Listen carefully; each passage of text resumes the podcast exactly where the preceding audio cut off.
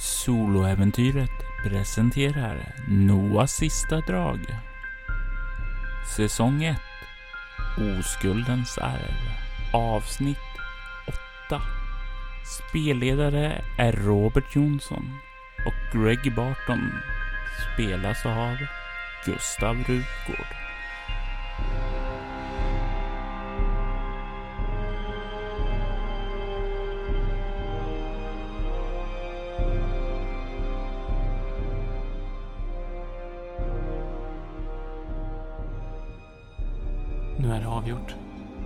Allting är utdelat.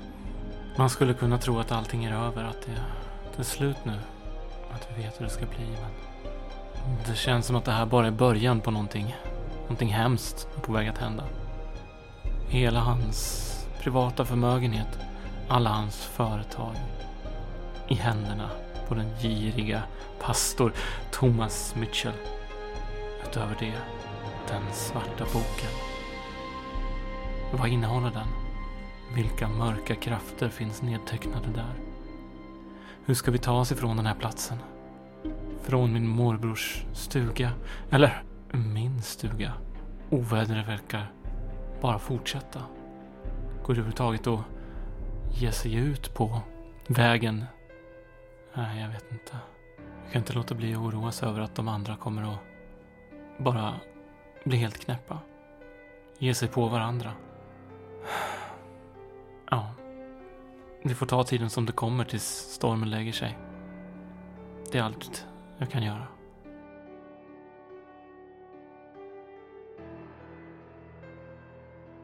Arvet är utdelat och för vissa finns det egentligen ingen skäl att dröja sig kvar här. Om det inte hade varit för stormen där ute så hade säkerligen flera begett sig hem. Men vägen är för farlig. Det är sen kväll och det finns inte så mycket annat att göra än att dröja sig kvar här. Hoppas att det blir bättre väder imorgon. Att det börjar torka upp, att solen kommer fram. Folket börjar ta sig tillbaka till sina rum för att vänta ut natten, för att sova en stund. Vad gör Greg för någonting? Jag börjar bli orolig över att, kanske framförallt över David Collins girighet, över Thomas Mitchells märkliga sätt. Jag tittar i kistan och den bortglömda skallen som ligger där i. Jag lägger ner dolken. Jag lägger ner ägandebeviset för stugan, stänger locket och vrider om nyckeln i det tredje låset. Jag tittar bort mot den öppna dörren. Var det verkligen allt som fanns där inne? Jag lyfter upp kistan så tyst jag kan, smyger jag bort mot gången. Börjar gå in där återigen. Den här gången med mycket större besvär. Själv släpandes på kistan och ficklampan skumpandes både hit och dit. Jag fortsätter in de tio metrarna. Stannar till lite grann innan jag går in i rummet. Tittar mig runt. Det är tomt rum. Dammigt här också. Verkar orört. Bortsett från just där ni har varit trampat och dragit ut kistan och sånt. Verkar inte finnas mycket till genomdrag från någonting här, vilket gör det ännu mer märkligt. Var kom den här vinden ifrån? Den slog emot mig först. De andra kände den. Jag eh, puttar in kistan sista biten, bara en liten bit in i rummet. Jag lyser upp i taket. Två meter upp ser du en stenfasad. Där vid släta rum en kub rummet utgör. Det här måste ha varit orört väldigt länge. Jag backar ut igen. Det verkar inte finnas något här. Jag lämnar kistan där. Stänger igen panelen. Trycker till den. Jag provar igen. Och trycker...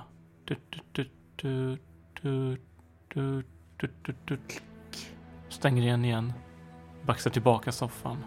Bäddar i ordning. Och glider snart in i sömnen. Och du drömmer om ett lyckligt minne med Tobias. När du var yngre, innan allt det här kom fram, innan ditt minne färgades av Tobias fulla personlighet, så var ett gott minne du hade av honom. Han tittar på mig med varma ögon och cirkusmusiken.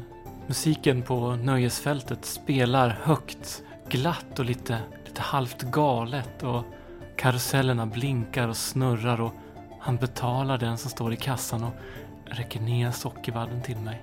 Han smakar en liten bit och vi skrattar tillsammans. Och sen går vi in.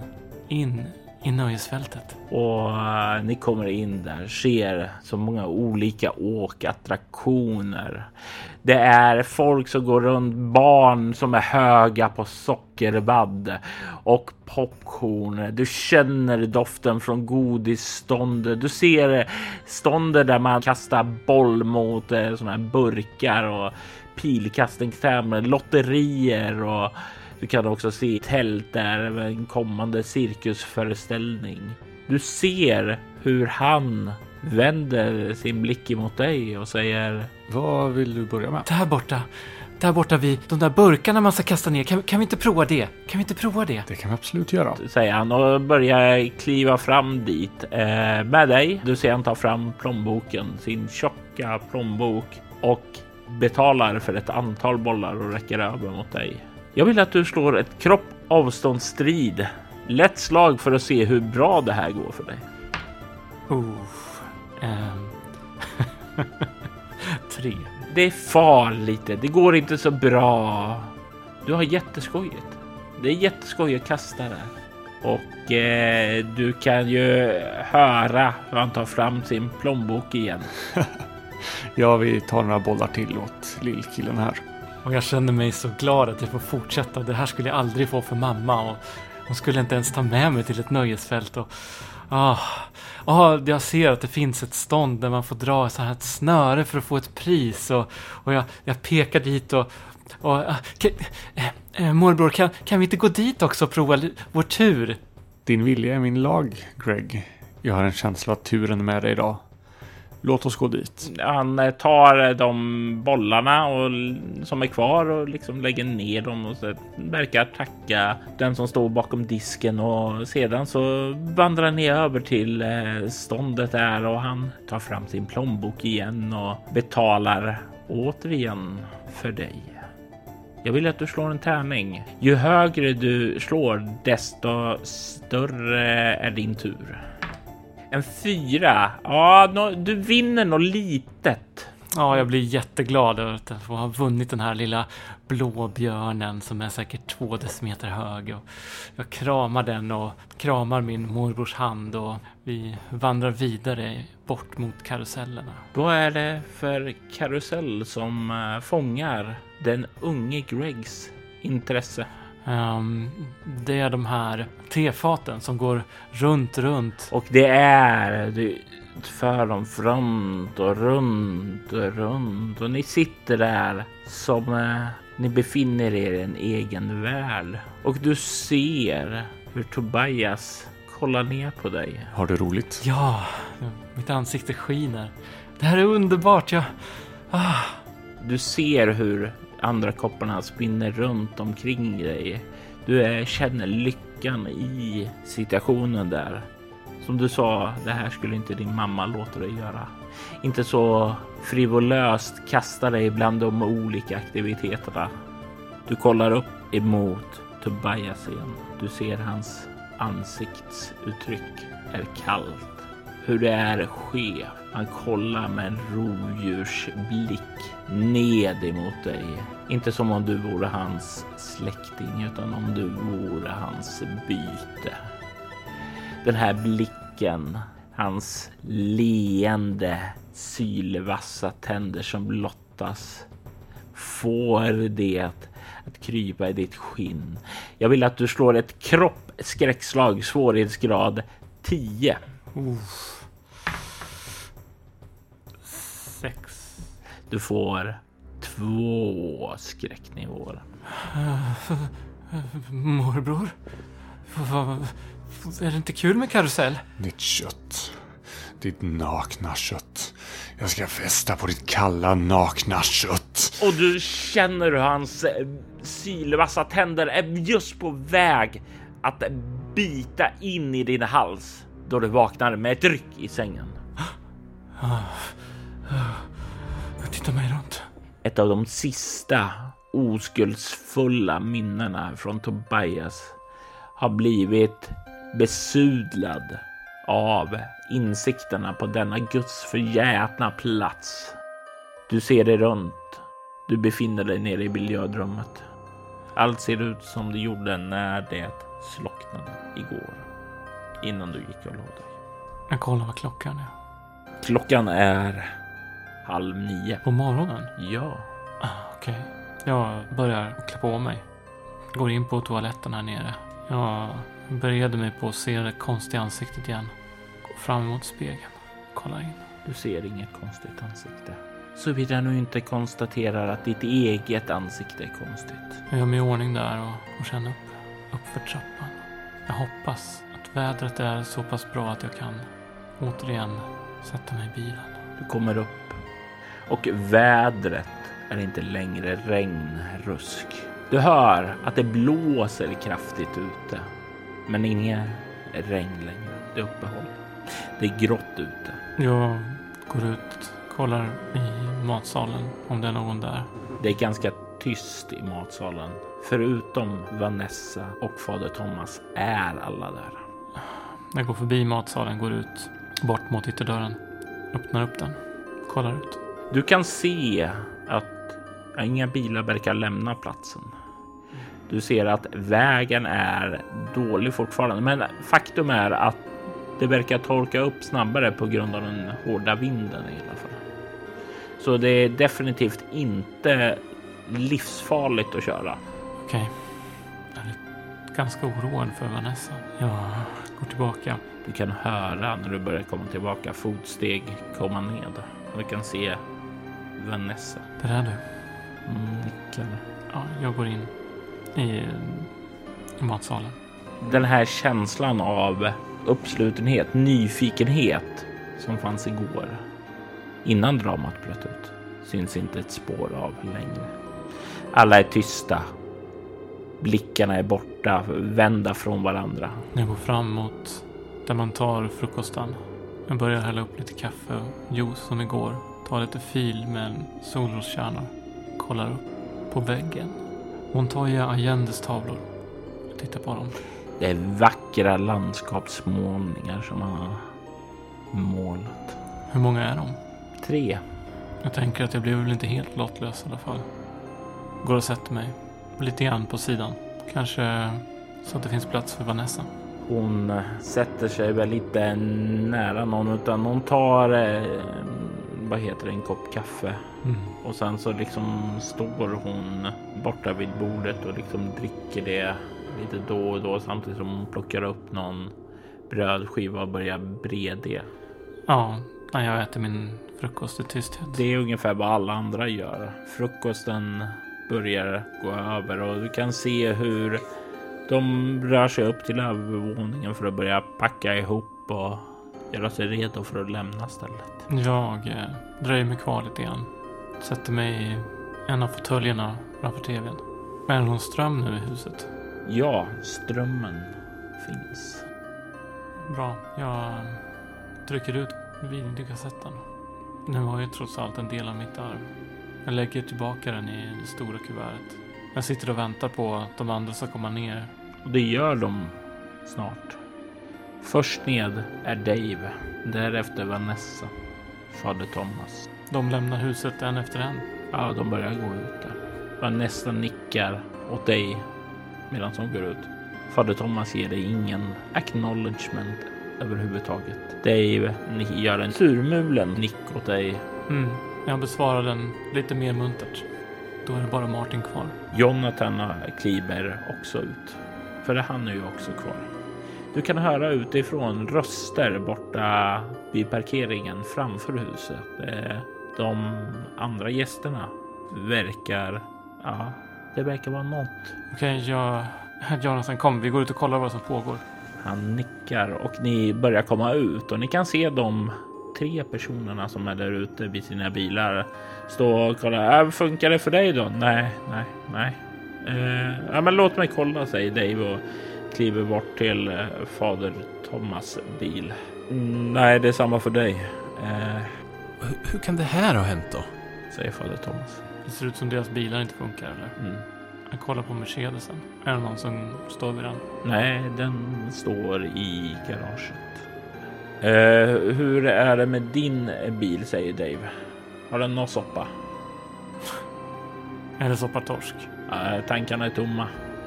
Eh, Jag antar att min är tom också i så fall. Jag går bort till den. Du tar och startar upp och det här.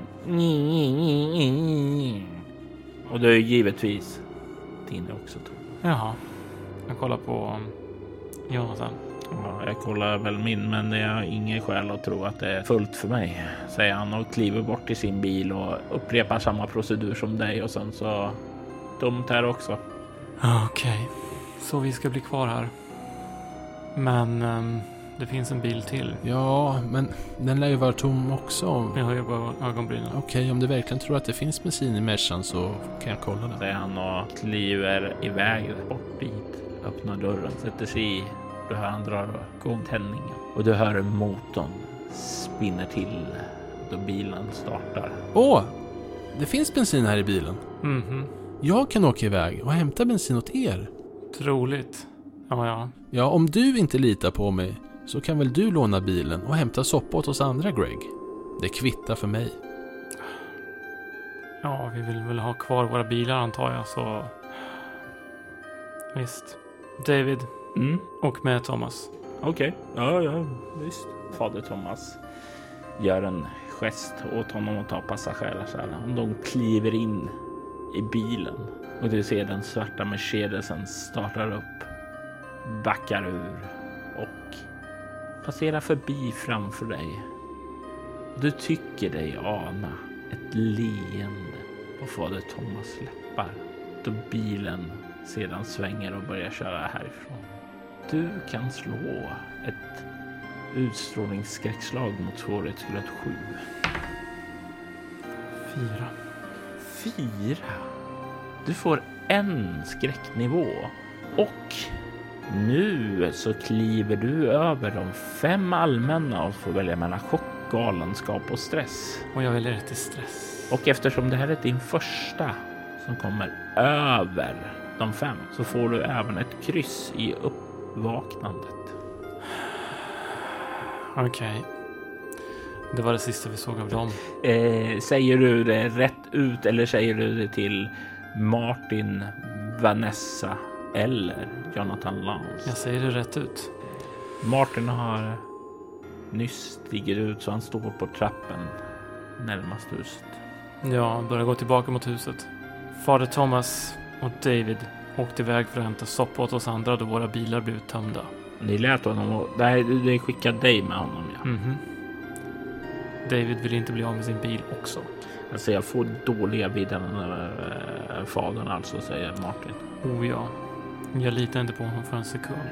Det var därför jag inte åkte med honom. Ja, jag känner vi kan inte göra så mycket annat än att bara vänta. Vi kan göra en sak. Brygga te, säger jag. Går in. Och de andra tre följer in där för att brygga te. Exakt vad som händer därnäst kan du inte riktigt minnas. Det är tänk dig som om det är en dröm. Och när en dröm går så är det inte alltid en linjär utan ibland så hoppar de över en del och du befinner dig plötsligt i en ny situation. Du känner hur hjärtat slår och svetten rinner ned för pannan då du kommer springande mot Tobias hus från stigen där du var och såg liken. Du ser en okänd kvinna, ett långt mörkbrunt hår, en eh, ganska myndig person. Du känner inte igen henne just nu, men det här är Jordy Chase. Du känner hur pulsen är hög och du kan se hon vinkar åt dig ungefär som snabbare, snabbare. Var, vart är hon någonstans? Hon står vid bakdörren som du eh, kommer springande emot ifrån skogen. Jag skyndar mig och jag, känner någonting är efter mig. Jag, jag, jag skyndar mig fram. Eh, snabbast jag kan. Huset känns som en trygg bastion mot det som finns där ute och som har fått dig att springa för din, ditt liv. Kvinnan ropar att De andra är där inne. Skynda dig! Och jag skyndar mig fram och, och framåt dörren och kastar mig in. och hon drar igen brälappen där bakom dig och du kan se hur hon i sitt sida har ett hölster med en pistol i. Såg du något av de som var där ute? Ja, någonting. Jag såg någonting. Okej, de andra är inne i vardagsrummet. Vi har barrikaderat de andra utgångarna, men jag måste barrikadera den här också. Ta dig in till de andra så fixar jag det här. Sen är det dags att lägga korten på bordet och ta reda på vad det är som händer här. Okej, okej. Ja, ja, ja, ja, absolut. Jag ska berätta allting som har hänt. Hon börjar sen dra fram stolar för att liksom köra in under låset där och du kan se att det, Martins verktygslåda också står där vid sidan. Vill du att jag hjälper dig? Samla de andra. Jag tror du är bättre till hjälp där och att du får tid på dig att lugna dig själv lite. Jag, jag går in och kollar om de andra är i eh, samlingsrummet. Du kan se dem allihopa. Du kan se hur Martin står vid eh, den öppna eldspisen och liksom har sett till att ordna en eld. Du kan se hur Vanessa sitter ihopkrupen med sina redsväskor bredvid fåtöljen. Du kan se hur Dave sitter lite lätt vaggande, chockad i fåtöljen. Fader Thomas sitter tröstande på armstöd och försöker lugna honom. Och Jonathan sitter mest tyst och stirrar ned i marken i soffan. Men eh, Jane är inte där. Jane är inte där. Jag går in till de andra. Går fram till Vanessa. Okej. Du hör hammaren i bakgrunden. Du hör, Jordi, hon hjälper oss nu. Det kommer ordna sig. Vi kommer komma härifrån. Ta det lugnt nu. Ta det lugnt. Och det är hon nickar bara. Och när jag kommer eh, dröjer någon minut innan hon kommer ut där. Okej, jag förstår att ni alla är rädda och oroliga. Jag är säker på att några av er har lagt märke till underligheter som försiggått här. Vi har haft er vän Tobias under bevakning innan han dog eftersom han har rört sig i kretsar ingen god man skulle röra sig i. Tobias planerade sin död för att släppa lös en ondska här i huset. Du kan se hur fader Thomas reser sig upp, blänger på henne och avbryter henne. Men vad är det för nonsens du talar om, kvinna? Tobias är oskyldig och Gud har rentvått honom från synd. Allvarligt. Tror du ens på dig själv? Du har nog ett och annat att förklara. Du kan se hur Jordi vänder sin blick emot honom och eh, efter att ha kollat lite hastigt på dig och verkar ge dig en nick. Må hända var det du som gav honom syndernas förlåtelse, fader. Ja, det var jag som tog hans bikt, men jag tänker inte avslöja vad han sa i den. Det är en hemlighet mellan honom och Gud. Och jag vägrar att bryta det heliga förbundet. Vem är egentligen din gud, fader? Vad är det här för trams? Min Gud är skaparen av människan och världen. Allt det vi håller kärt. Vem annars? Jo, jag tror nog faktiskt att det går att läsa i den bibel han har där. Fader Thomas ser så här oförstående och stirrar. Sluta kasta skuld på mig. Din girig buk. Kallar du mig girig buk? Ja, det är bara därför du håller på så här Greg. För att din älskade morbror inte älskade dig så mycket som du trodde. Hörru du, nu vill jag att du plockar fram den där svarta boken och visar vad det är för någonting. Det tänker jag definitivt inte göra. Särskilt inte efter vad som har hänt nu. Vi bör fokusera på vad vi alla har sett här och försöka hantera det och finna vår tröst i Gud. Jag är inte helt säker på vem det är du dyrkar egentligen. Och du kan höra Jordis betoning på vem. Och plötsligt får, Greg en känsla av att det pågår en diskussion här.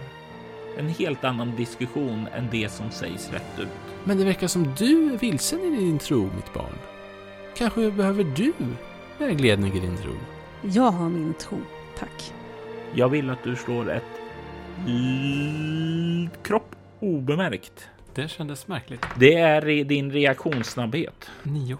Du kan se hur plötsligt hur fader Thomas ögon spärras upp när Jordi säger jag har min tro. Tack. Plötsligt så rusar han ut mot ytterdörren och Jordi börjar springa efter honom. Har jag närmare eller? Um, Jordi ju, kom ju in från bakdörren. Ja, eh, du är väl ungefär med tanke på att du har lägre initiativ än henne. Eh, Så Så hon, hon kommer komma för mig, okej.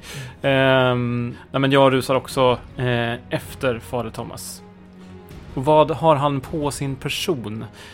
Skulle jag tro att han har den boken eller är, kan det möjligen vara så att den ligger kvar någonstans? det där vill jag att du slår ett ego stridsvana för att lägga märke till nu i stundens hetta. Lätt slag. 13. Han verkar inte ha något särskilt tungt eller så med sig i alla fall. Eh, Så om han la det i sin packning borde det vara i hans packning. Är packningen här inne eller? Det har du ingen aning om. Jag ser den inte ståendes precis bredvid där han stod. Nej, Då ligger den förmodligen i hans bil.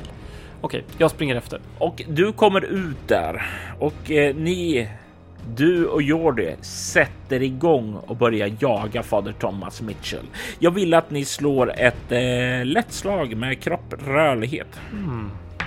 Nio. Ni rusar ut och kan se där ute så ser du hur Jordi verkar springa ut på gräsmattan och liksom runt huset för det är dit som fader Thomas verkar vara på väg. What? Springer han ut på baksidan? När han springer ut på framsidan. Ja, och sen runt huset bort mot baksidan. Ja, Där, där finns. Eh, Okej, okej. Eh, jag springer mot hans bil. ja, och du hör hur de eh, jag, jagar iväg och börjar försvinna bort i den skarpa vinden. Du kommer fram till hans bil. Och jag vill att du slår ett utstrålningsskräckslag och jag låter dig välja om det ska vara ett chockartat eller fruktansvärt skräckslag. För i baksäten så ser du Jane med hennes uppsprättade buk. Precis som du såg där nere i källaren. Det varsel du såg. Hon är död där. Det får inte vara sant. Vad skulle jag slå på? Utstrålning mot 10 eller 13. Jag slår mot 13. Jag kommer upp i 7. Vilket är tre skräcknivåer. Jag, jag, jag öppnar dörren till baksätet. Du ser hennes kalla, livlösa blick stirra med skräck emot dig. Ja, inte dig personligen, men det känns som så när du stirrar in i hennes ögon. Men hon... Hon åkte iväg. Hon, hon klarade sig. Hur... Vad... Fick tag på henne. Jag... Jag... Va, jag, jag stänger hennes ögon med handen. Jane. Jag tittade. Är magen skadad? Du kan slå ett egomedicin när du stirrar in i den uppsprättade buken. Um, elva. Någon har tagit en kniv och skurit upp henne. Du kan inte se något spår av något foster där inne. Det måste ju ha varit jättelitet. Jag, jag kollar mig runt och ser jag mordvapnet här. Du ser ingen mordvapen här. Hur ligger hon i baksätet eller sitter hon? Hon ligger ungefär som om någon har lyft in henne i bilen. Jag kollar i framsätet. Finns hans packning där? Nej, men eh, du ser också den här eh, spaken för att poppa upp bagageluckan. Drar tag i den. Ja, jag går ut från bilen. Går runt. Hur kunde han döda henne? Vem? Är det ens fader Thomas? Eller är det det där hemska? Jag går bort mot bakluckan och bereder mig på att se det värsta. Du ser Daves och fader Thomas packning. Jag öppnar upp fader Thomas packning. Du kan se hans extra kläder, hans medtagna packning. En bibel, lite papper och en bok. En läderinbunden svart bok. Jag tar boken. Stänger packningen igen. Stänger bakluckan. Stänger igen bakdörren. In till Jane. Vänder mig om. Tittar bort mot huset. De har dödat henne. Hon är död. Min kusin. Borta. Jag börjar gå upp mot huset. Stänger igen ytterdörren. Öppnar upp uppslaget. Första sidan. När du öppnar boken och kollar ned i den så ser du att det är ett, ja, du känner det vagt bekant språk. Jag vill att du slår ett rutinmässigt slag med ekospråk. 14. Jag kan ge dig en plus ett modifikation. För du besitter ett besläktat språk. Språket i boken är nämligen latin. Mm. Du kan se att boken, när du kollar på den, verkar inledas med Mitt namn är Abraham och jag tjänar Fides.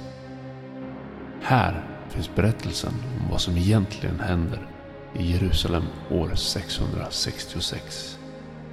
Må det oheliga hotet vara fördrivet. Greg känner igen ordet Fides som ett annat namn för tro. Det är det var det första du ser på första sidan. Jag går in. Lägger upp boken på... Du kliver in. Du kan inte se några spår av Martin, av Vanessa, Jonathan eller Dave. Det är tomt. Det är ödsligt. Men du känner ändå en närvaro betrakta dig. Tobias. Vad har du gjort? Jag lägger upp boken på bordet. Börjar bläddra lite grann på måfå. Bläddrar fram ungefär en tredjedel. När du bläddrar runt där så är, fångar din uppmärksamhet en sak. En illustration på en juvelbesatt dolk. Tänker på kistan där nere. Som en händer, han får inte ta den här boken. Jag går bort till trappan ner till källaren. Jag lyssnar. Var är boken just nu? Under min arm. Det är tyst där. Jag smyger ner för trappan. Du står inne i arvsrummet. Du har inte riktigt minne hur du kom hit. Men du står vid kistan med nyckeln i din hand. Jag öppnar upp den. Du ser det. Det du lämnade där är kvar där. Jag lägger ner boken och låser igen. Jag tittar mig runt. Den där vindpusten. Det var härifrån den kom. Var det så han släpptes lös? Du hör ett vagt eko av ett skrik. Jag går ut, stänger igen, puttar tillbaka soffan. Du tar de första stegen för att börja röra mot trappan. Och du kan se i trappan hur Daves livlösa kropp ligger.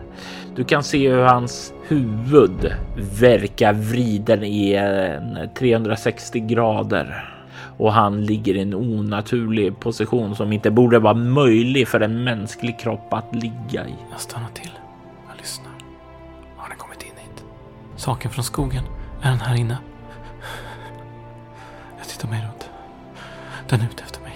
Du tittar dig runt och du lägger märke till en sak du inte såg tidigare. Mitt i rummet, mitt i biljardrummet, typ tre meter ifrån dig, så ser du en man, en vithårig man med långt skägg. Han har fingret pekandes tillbaka mot lunddörren bakom soffan. Det är du. Det är du som är... Jag känner igen dig från någonstans. Vem är du? Han pekar stumt däremot. Och i nästa ögonblick så är han borta. Slå ett egoskräckslag med sju i svårighetsgrad. Elva. Du får ingen skräcknivå, men se honom försvinna är definitivt inte en naturlig upplevelse. Det är samma man jag såg i spegeln. Då var han jag. Nu är han här ute. Är det honom vi har släppt fri? Varför pekar han dit? Jag tittar bort mot trappan. Ligger han kvar där? Ja, Jag lyssnar. Jag tar ett steg bort mot trappan. Jag tar till. jag kommer fram till Daves livlösa kropp i trappan. Jag tittar upp för trappan. Vad finns den där uppe? Du kan se ljuset där ute. Dörren står öppen. Det är tyst nu. Bakdörren? Du ser den inte härifrån. Du står fortfarande nere i trappan och kikar upp. Jag börjar kliva upp för trappan och den är ganska smal. Jag måste putta undan Dave lite grann. Jag börjar kila in foten mellan hans runda kropp och väggen för att få undan honom. Jag snubblar till och ramlar ner över honom. Du känner hans kalla kropp emot dig. Den har börjat, börjat bli lite hård. Han var inte här nyss. Jag, jag börjar febrilt försöka ta mig upp över honom, upp för trappan. Och du kommer och börjar kravla upp och kan se att det är mörknat där ute utanför. Är dörren öppen till bakdörren? Du börjar ta upp och kika däremot och jag vill att du slår ett kroppsstridsvana, lätt slag för att eh, ana det bakhåll som är på väg att ske emot dig. Kommer upp i hela sex. Du kikar ut och vrider där och hinner inte riktigt se hur Jonathan Lance kommer och attackerar dig med en kniv. Och sätter den i dörrkarmen bredvid dig. Och jag kastar mig undan och... och Slå ett lätt slag med kropp rörlighet för att kasta dig inte bakåt ner för trappan. ja, just det. Ehm, mm, Bra ställe att slå en sexa. Ja, eh, och då blir det hela tio. Ja, vad kastar du dig? Antar att jag kastar mig förbi honom uppåt så. Ja, kommer bort emot ytterdörren då eftersom han kommer inifrån. Vad är det för sorts kniv han har? Det är en kökskniv och du kan se sen att han ser dig och liksom ögonen spärras upp. Han verkar tveka. Vad gör du? Ja, jag... Jag liksom... Jag bara springer upp och försöker ta mig ut. Jag måste hitta Jordi, någon som kan... Och du kommer fram till ytterdörren som är igenreglad och igenspikad. Jordy reglar ju den. Minns du nu? Du är instängd i en återvändsgränd. Och jag vänder mig om och tittar. Du ser hur Jonathan sträcker upp händerna i luften. Sorry, sorry, sorry, sorry. Jag, jag trodde du var han. Jag trodde du var han. Jag trodde du var han. Vem? Martin! Martin har gått helt jävla psyk. Han dödade Dave. Var det Martin? Ja, han, han, han, han, attackerade oss. Jag, jag, jag och Vanessa, vi, vi flydde åt olika håll och jag tror han har en. Jag hörde hennes skrik tidigare. Ja, Okej, okej, okej. Vi, vi måste... Vart ifrån hörde du skriket? Han pekar. eh, Jag, jag, jag trodde det kom där nerifrån, men då måste det vara inifrån köket om inte du, om inte du. Det kanske är i Martins rum. Men, men vi, vi kollar köket först. Men, men ta, ta kniven igen då. Han tar den och sliter lös den och det tar och kikar in i köket och kan se hur luckan ned till källaren är öppen. Jag gör så här tyst tecken med fingret framför munnen. Och börjar smyga bort mot luckan. Ni tar er sakta fram emot luckan. Och det hör plötsligt hur Vanessas röst ekar. Hon skriker Nej! Noahs sista drag är ett äventyr skrivet av Robert Jonsson till rollspelet Bortom och gavs ut av Mylingspel. Statistroller i detta avsnitt är Kristoffer Warnberg som Tobias Thompson, Johan Ström Helleberg som Fader Thomas Mitchell, Pernilla Sparhult som Jordi Chase Lukas Falk som Abraham. Avsnitten har redigerats av Robert Jonsson. Temamusiken till Noahs sista drag var skapad av Per Holmström. Övrig musik gjordes av Adrian von Ziegler och Arvid Kongstad. All musik används med respektive artist tillstånd. Vill du följa oss i sociala medier så kan du gilla antingen Bortom eller Soläventyret på Facebook. Och med det så vill jag säga tack för att du har lyssnat.